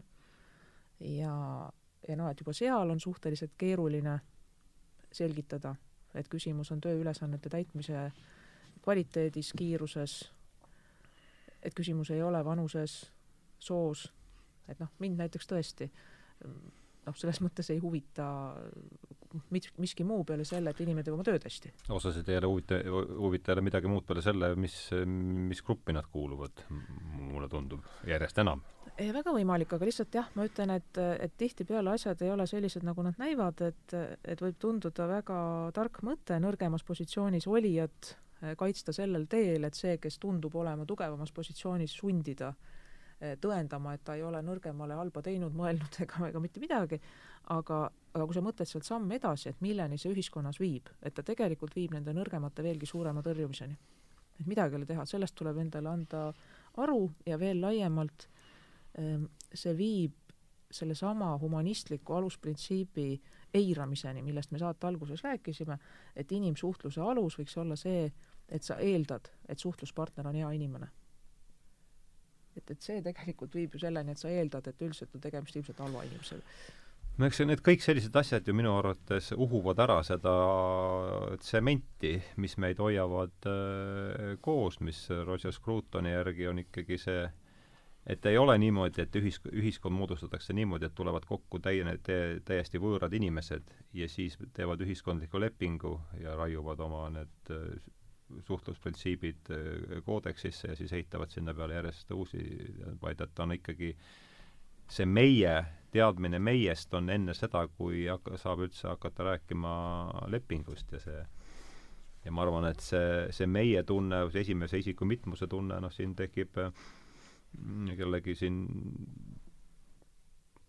taht-, selge tahtmine viidata tagasi Jüri eelneval öeldud lausele, et kõik väärtused tulevad lõppude lõpuks äh, religioonist, siis sellest ühisest loost, mis siin ühte või teist äh, sootsiumi äh, koos hoiavad ja, ja noh, parandage mind, kui ma eksin, et mulle tundub, et me oleme viimase poolesaja aasta jooksul seda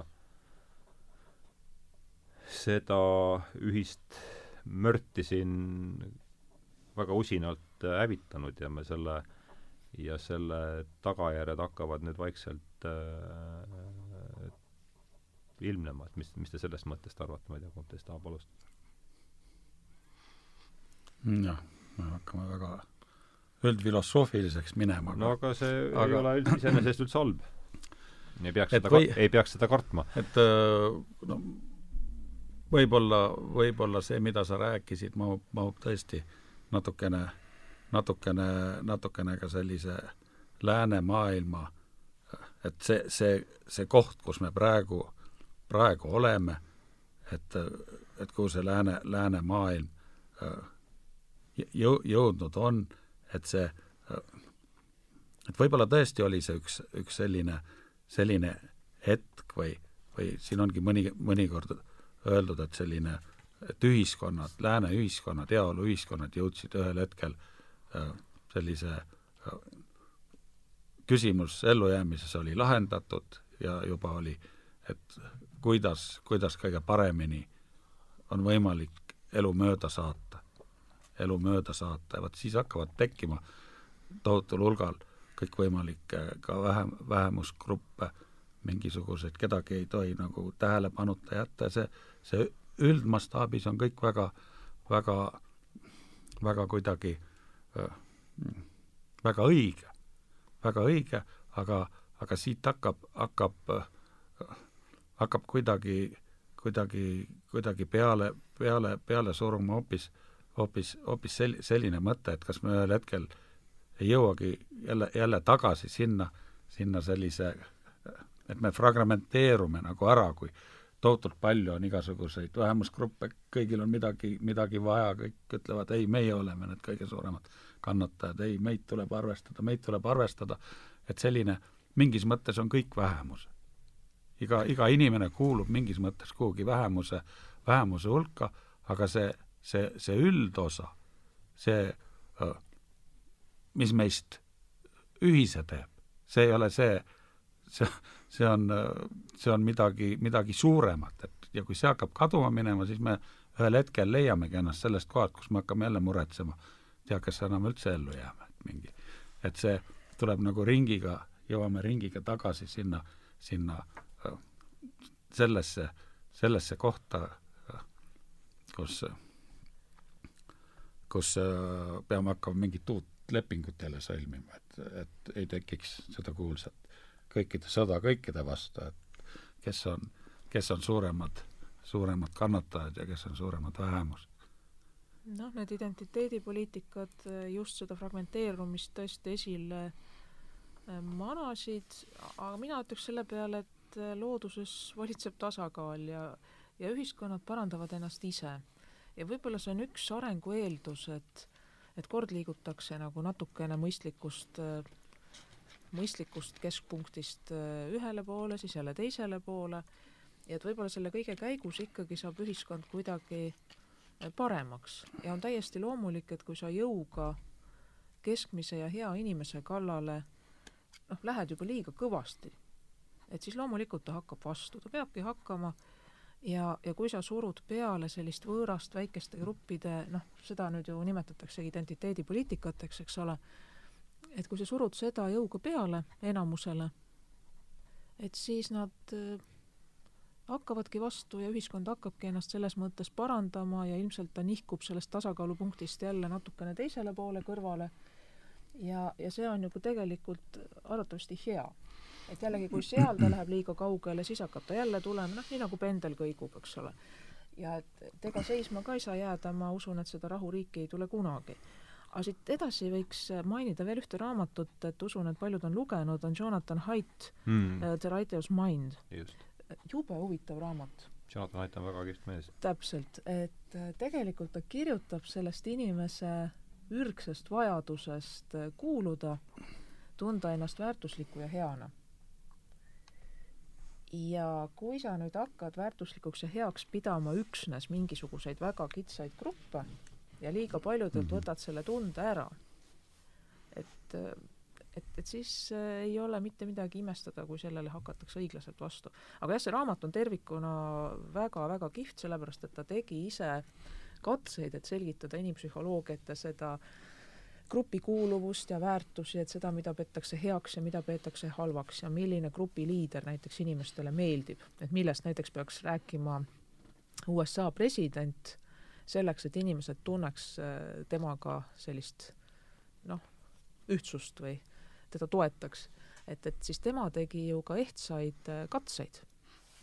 et tõepoolest küsitles inimesi, pani nende ette situatsioone, et kuidas te selle lahendaksite, kas te tunnete, et nii oleks õige või nii oleks vale, muuhulgas tõi ka sedalaadi näiteid, et, et oli teatud sellised hõimud näiteks, kes aeg-ajalt selleks, et oma kokkukuuluvust tugevdada, eh, lõid maha ja sõid ära mööduva juhusliku ränduri, kes ei olnud nende hõimust ja ta seletab inimpsühholoogiat ja seda, ei no väga kole iseenesest, mm-hmm. aga ta seletab seda inimpsühholoogiat ja vajadust, vajadust noh, mingite ühiste väärtuste ümber koonduda ja ennast heana ja väärtuslikuna tunda, et ta seletab seda nii ilusasti. ja see seletab ka väga hästi, et miks see vähemuste selline väga suure jõuga kaitsmine võib olla kontraproduktiivne. ja see on huvitav, et sa Aite mainisid, ma, ma just täna hommikul lugesin tal seda, mis tal järgmine raamat on, The Coddling of American Mind, ma lugesin selle Atlanticus ilmunud essee läbi, mis selle aluseks oli, et ta on tõesti väga, väga soovitaks kõigile, kes meid kuulavad, siis The Righteous Mind ja viimane raamat The Coddling of American Mind, Ameerika aru, ma ei teagi, mis, arukallistus, aru aru, arupaitus, aruhellitus, aruhellitus pigem. et äh, nii, ja kui ole, ahah, sa oled siis, see on see koht, kus aju plahvatab, olema siin suurte tähtedega üles kirjutatud, jah, see, kui sa pead tõendama midagi, mida sa ei ole teinud, siis see on küll koht, kus äh, noh, me oleme probleemi ees. Jaa, välja arvatud juhul, kui sa oled valmis käima ööpäevaringselt ringi salvestusseadmetega iseenda küljes. aga üldiselt ka seda ei peeta terve inimese tunnuseks. et teatavasti mm. neid inimesi haiges üni-, haiges ühiskonnas on väga raske terveks jääda, see on see on jälle tõsi, aga aga et on ju ka neid inimesi, kes tõepoolest on ennast kaamerate ja mikrofonidega ümbritsenud ja kogu oma elutegevusest lasevad kogu ilmarahval osa saada, aga et noh, ma saan aru, et neil on ka hulk jälgijaid erinevates äh, kanalites, aga aga et üldiselt seda minu arusaamist mööda terve inimese tunnuseks ei peeta. Ja jällegi tavapsühholoogiale võib see olla päris vastuvõetamatu, et sa pead ennast selleks, et ennast ligimese eest kaitsta, kellesse sa peaksid humanistliku aluspõhja järgi suhtuma kui venda, sõpra, rahvuskaaslasesse, heasse inimesse, et sa pead sellepärast võtma ära enda privaatsuse ja, ja ümbritsema ennast kaameratega, olema pidevalt valmis esitama salvestise noh, ja kui me isegi sellisesse ühiskonda jõuaks, et siis vabandust, samm edasi, ka praegu on tehnoloogiad, millega on võimalik eh, tegelikult eh, inimesele omistada mis tahes tsitaate, monteerida teda mis tahes videosse, need on kõik ju olemas. et igaüks võib vaadata ka internetis kas või vale Obama otsingusõnaga leiate hulga videosid, kus on tegelikult, arvestades, et kui inimesest on nii palju kujutisi internetis, et siis on täiesti võimalik äh, töödelda see pilt selliseks, et ta räägib absoluutselt usutavalt juttu, mida ta pole mitte kunagi rääkinud. nii et põhimõtteliselt ma väga soovitaks äh, terve mõistuse ja südameheaduse säilitamiseks äh, mitte tahta liikuda sinna suunda, vaid pigem katsuda ikkagi hoida mõistlikku inimlikku suhtlust üleval ja, ja uskuda ka nendesse kirjutamata sotsiaalsetesse normidesse ja möönda ka seda, et inimühiskonnas on ka erimeelsusi, on ka konflikte, on inimesi, kes üksteisele ei meeldi, kahjuks on inimesi, kes teevad üksteisele liiga, aga nende konfliktide lahendamise meetodid on ajaloos läbi proovitud, meil on neid üks päris hea komplekt olemas, see süütuse presumptsioon käib sinna juurde, ja et vast on targem leppida sellega, kui noh, ühesõnaga suruda meid inimpsüühikale vastuvõetamatusse panoptikumi? Jah, vot see mõiste käis siin, ma arvasin, see oli nüüd aja küsimus, kus ta, millal ta üles kerkib, see, see võrdlemisi kurjakuuluv äh, mõte, millest ju tegelikult palju suures osas, nii vähe kui mina sellest aru saan, moodne riigifilosoofia on tekkinud, see Hobsi eh, kõikide sõda kõikide vastu, sest see noh, selle praeguse elukorralduse lätted, valgustusajastu on ju paljuski vastus sellele, kuidas sellest ehm, seitsmeteistkümnenda sajandi jõudusunenäost äh, välja tulla ähm,. Äh, et kuidas, kuidas tulla välja sellest kõikide sõjast kõikide vastu, kus me siis, äh, meie siis lääs seitsmeteistkümnenda sajandi keskel olime, kus Saksamaa rahvastik vääräänes ühe positiivse positiivse statistika järgi kolmandiku võrra, halvema lugemise järgi poole ja rohkemgi võrra, et et kuidas hoida ära see, et me, et, et no kas see ka..., see tee, kuhu see identi-, üle võlli keeratud identiteedipoliitika meid võib, võib lükata. Jüri, vabandust. no aga kahekümnendal sajandil kaks korda ebaõnnestus see ärahoidmine, et mingi nojah, seal, jah. me ei julge endale äkki tõesti aru anda, kui, kui, kui suur, suur õnneperiood see on, mis on pärast teist maailmasõda läänemaailmas olnud neljakümne viiendast aastast kuni tänaseni, et me äh, hakkame äkki selle, seda pidama selliseks niivõrd iseenesestmõistetavaks, et mingi, et et see lihtsalt ongi nii, aga tege-, tegelikult ju ei ole, et mingi, see on väga habras, habras tasakaal, mis on, mis on, mis on tekkinud ja ja siin, siin seda noh, see süütuse presumptsioon, see no mul tuli siin, tuli siin meelde veel kedagi siin tsiteerida, Jan Bremmer on üks selline, kes on, kes on kirjutanud lugenud, jah, jah. J. Kõverast, et miks mõned ühiskonnad jäävad ja ellu ja arenevad, edenevad ja kasutavad selleks vabadust, et mis, mis hakkab toimuma ühiskondadega, kus on, mis on enne olnud hästi tugeva kontrolli all. selles mõttes Eesti on väga, väga hea, hea näide Nõukogude Liidu perioodist, kui me ei teadnud ei süütuse presumptsioonist ega, ega millestki, aga, aga et ühesõnaga, kui hakkab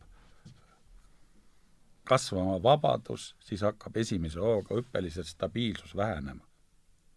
inimesed ei tea enam, mis, mis saab ja siis võtab aega, kui hakkab, hakkab koos vabaduse kasvuga uus stabiilsus tekkima mu,. muuseas, Eesti tapmiste arv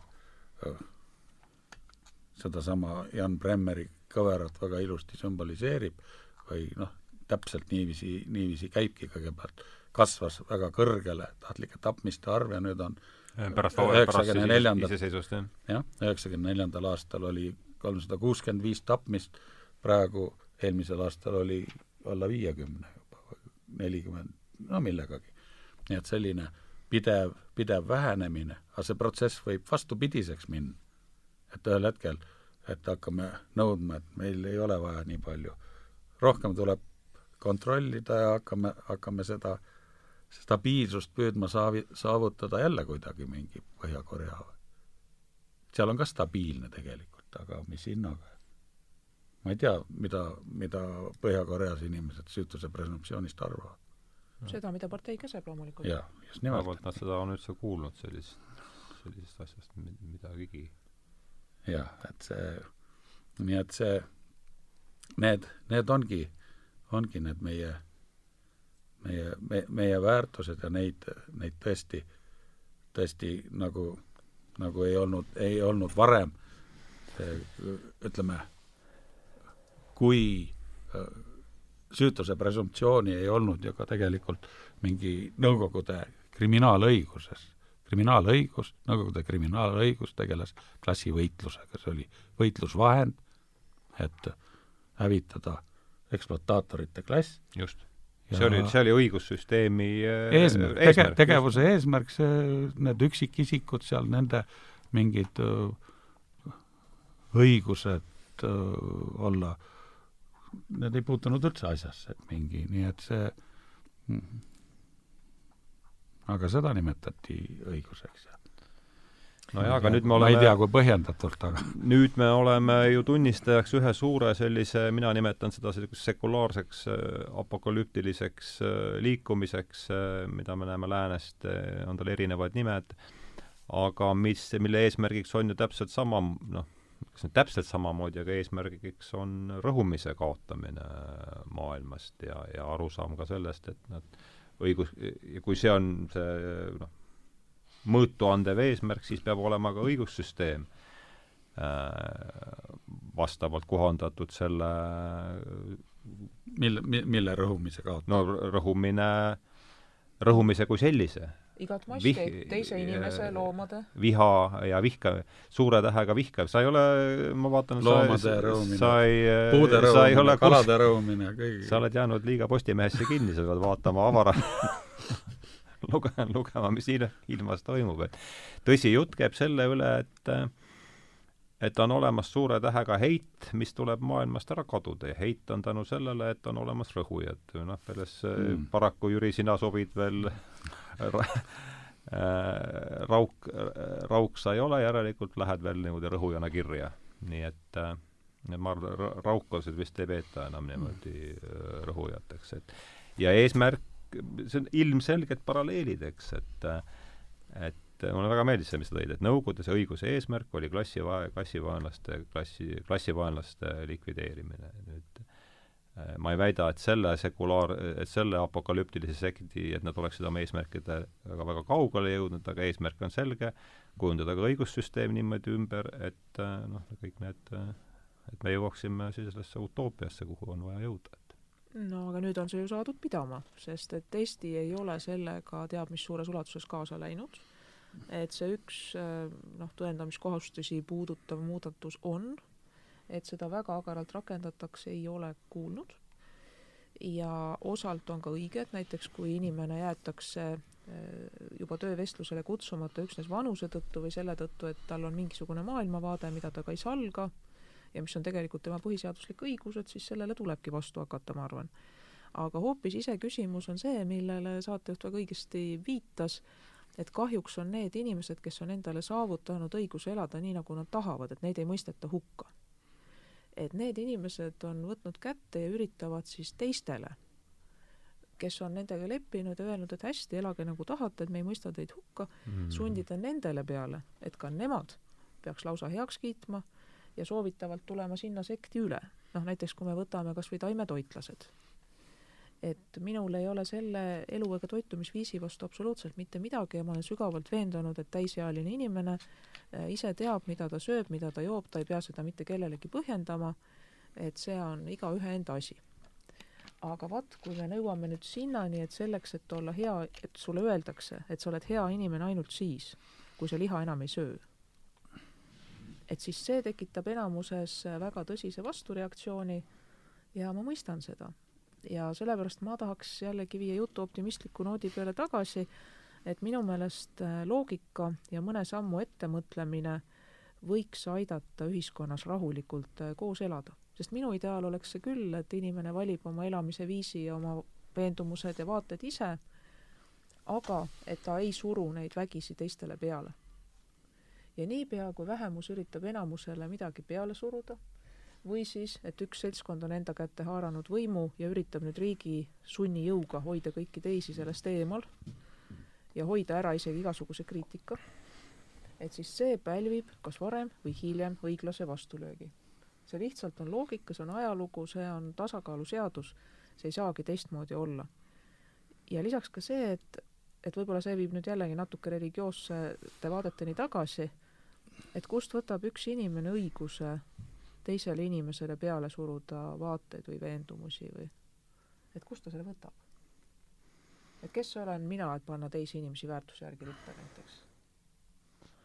nojah, aga samas on jällegi noh, see on see, see küsimus nende samade väärtuste allikatest, et kust nad siis, kust nad siis tulevad, sest noh, mingite see on nüüd see fundamentaalne küsimus minu arvates, et et ma näengi, et siin on see ühel, ühel võrdlemise, võib-olla mitte kõige fundamentaalsemal tasandil, aga, aga ühel tasandil on ikka kaks sellist parteid vastamisi, et ühed arvavad, et igasugused reeglid äh, piiravad minu vaba-, kõik reeg-, mis tahes reegel piirab mu vabadust. ja teine, kuhu ma pigem äh, enda paneksin, on see, et äh, alles reeglid teevad üldse meie vabaduse võimalikuks sõltub, millised need on. millised need on, just nimelt, ja jällegi ja ka selle reegliga, selle maksiimiga võib muidugi väga kaugele ja väga halba kohta sõita, eks, aga, aga pigem kui ma peaks valima, siis no see on sisuliselt, on ikka fundamentaalsed oletused inimlooma, inimlooma, inimlooma olemusest, et, et kui me aktsepteerime päris patu oletust, siis on sealt järgmine samm on juba selgelt, eks, et, et reeglid peavad olema et me üldse saaksime omavahel äh, kuidagi, äh, kuidagi toimida. ja kui ei olegi enam kirjutamata reegleid, siis jäävad äre, siis jääbki ainult järele see, mida riik meile ette kirjutab. et hea on see, kui on õiglased, mõistlikud, enamusele arusaadavad ja isegi loomulikuna tunduvad reeglid, nad on pikaajaliselt paigas ja neid pidevalt ei muudeta. et tõesti, ühiskonnaelu on nii palju keeruline, et igal hetkel äh, iga võimaliku huvide põrkumise lahendamiseks noh, koha peal eh, uut reeglit välja mõelda ei ole võimalik ja sellepärast on inimestel tegelikult lihtsam lahkelt koos eksisteerida, eh, kui on teada, kes ristmikule jõudes esimesena üle sõidab. just. väga, väga, väga oluline teadmine. see on suhteliselt oluline teadmine ja et eh, noh, mõningaste kadude järel noh, ilmselt kujuneks mingi reegel ikka välja, nii et on parem, et meile kõigile õpetatakse see õigel ajal selgeks või kui sa tahad teise inimese käest midagi näiteks äh, osta või teisele midagi müüa, et noh, siis siingi on ju hea, et kui selle nii-öelda lepingu kohta on mingi mõistlik reegel olemas ja minu meelest on ka hea, kui seda reeglit uisapäisa ei muudeta, et, et ühesõnaga, et inimene ei pea kogu aeg üllatuma, et nüüd on mingi uue, uus asi jälle kästud või keelatud, vaid et on üks niisugune mõistlik raam, kus sees elu rahulikult kulgeb, aga mingid sellised tüüpilisemad põrkuvate huvide kohad on nagu ette ära lahendatud. on öeldud, et kui sina jõuad ristmikule, eks ole, esimesena või kui, või kui sinuga ristub peatee, eks ole, kes siis peatub ja kes siis sõidab. et niimoodi on oluliselt lihtsam. jah. Jüri, tahad lisada midagi? ei no muidugi, muidugi on. aga see, ma me oleme nad süütuse presumptsioonist natukene kau-, kau-, jaa, me kasut-, kasutasimegi seda käin, sellise hü-, hüppelauna, aga sa võid me võime selle juurde alati tagasi tulla, nii et ähm... ma ma teen, teen siin aeg-ajalt tervisesporti ja siis ma tulen, tulen sealt äh, Mustamäel tipi juures, sealt mäest tulen alla. mööda, mööda kõnniteed, aga mm -hmm. seal sõidavad ka jalgratturid ja siis ma hoian alati vasakule vasakule alla tulles, sest nad tulevad mõnikord väga suure hooga sedasi puhisevad väga ligidalt mööda kui ma paremal poolel olen, siis nad võivad mulle selga tulla lihtsalt. ja mõni aeg tagasi tulin sealt vasakult poolelt, aga siis tuli mulle üks jalgrattur, tuli vastu altpoolt. tahtis mulle vägisi otsa sõita, ta ei tulnud kiiresti. nii et ma jõudsin ta käest küsida, et tahadki mu, mulle nüüd otsa sõita, et inimene, et ta ütles, aga ma olen ju paremal poolel me ei jõudnud väga pikalt rääkida, aga ma mõtlesin, see on, see oli ka huvi, huvitav mõte, tegelikult liikluseeskirjade järgi oli tal õigus, et mingi, aga kui selline, kui ta, kui tal autojuhiload on ja ta sõidab mööda teed ja seal juhuslikult tema paremal poolel mõni jalakäija ees on, siis ta sõidabki tast üle lihtsalt, et ta on paremal poolel. nii et see reegel, reegel, antud juhul antud juhul on, on loogiline, kui sa sealt mäest alla tuled, et sa proovid nagu kõrvale hoida, et see ülevalt alla kihutav jalgrattur sulle selga ei tule.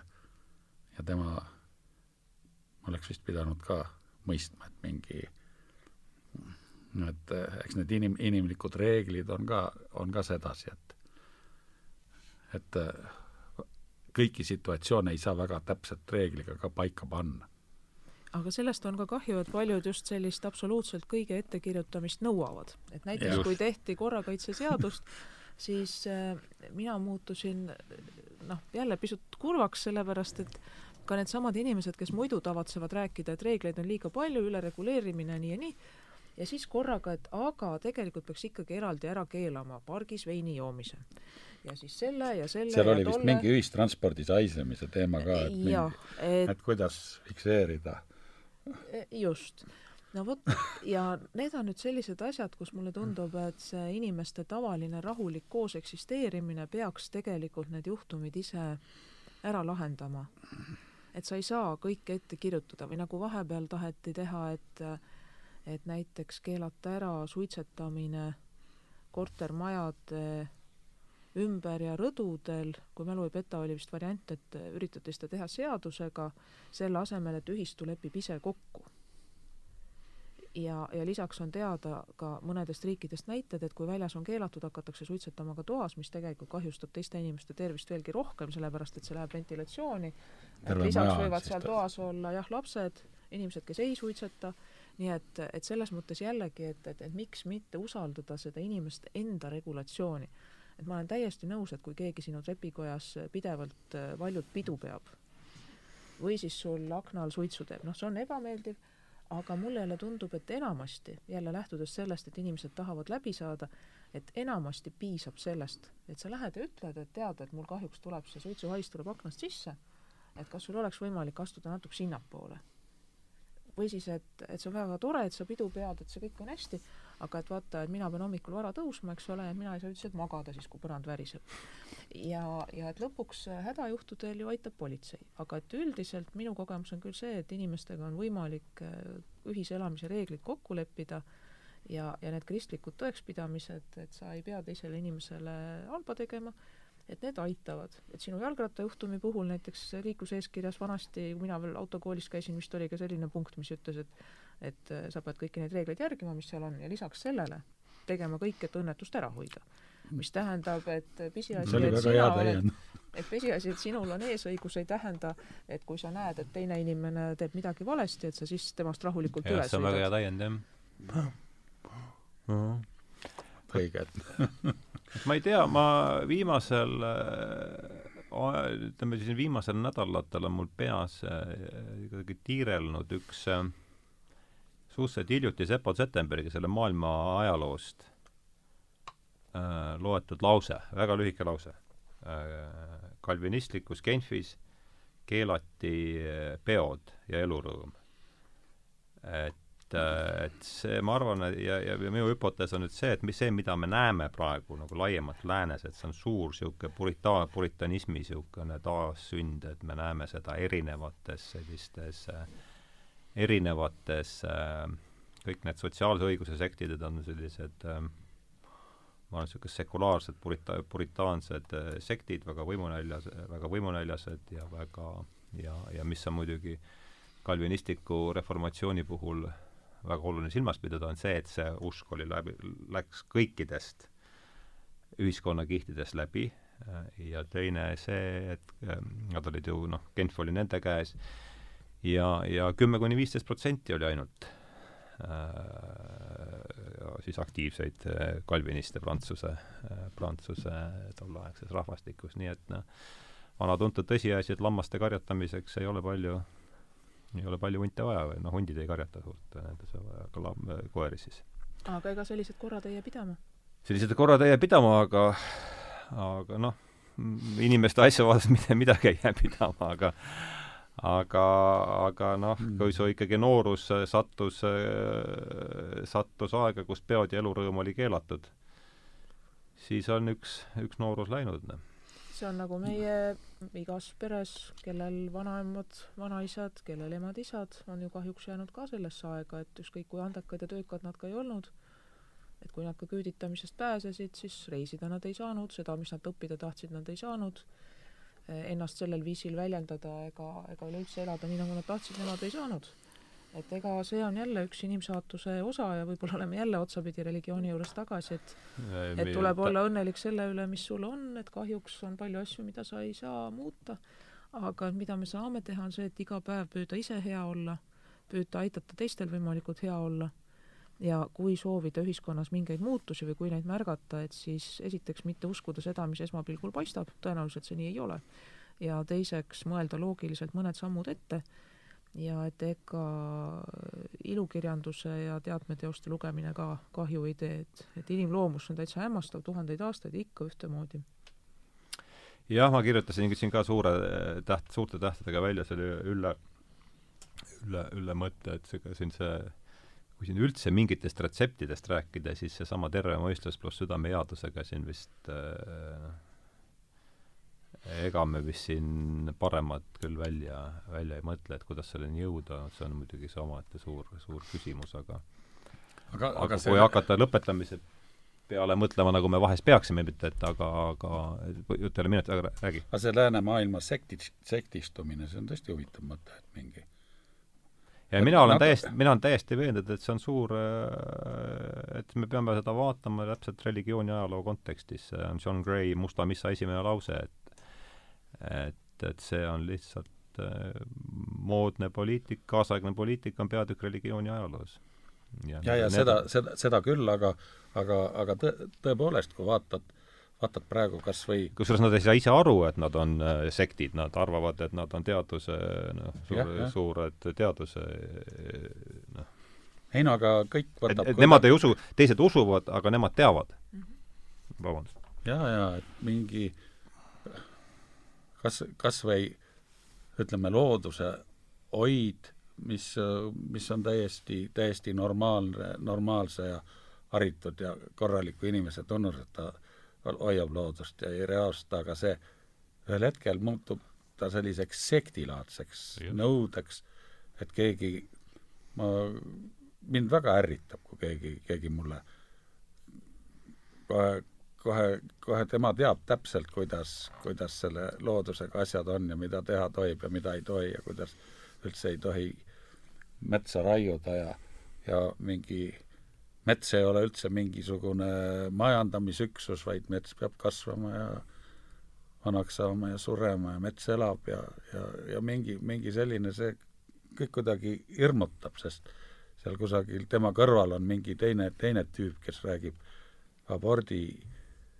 keelustamisest sama põlevate silmadega ja, ja mingi sekte on väga palju.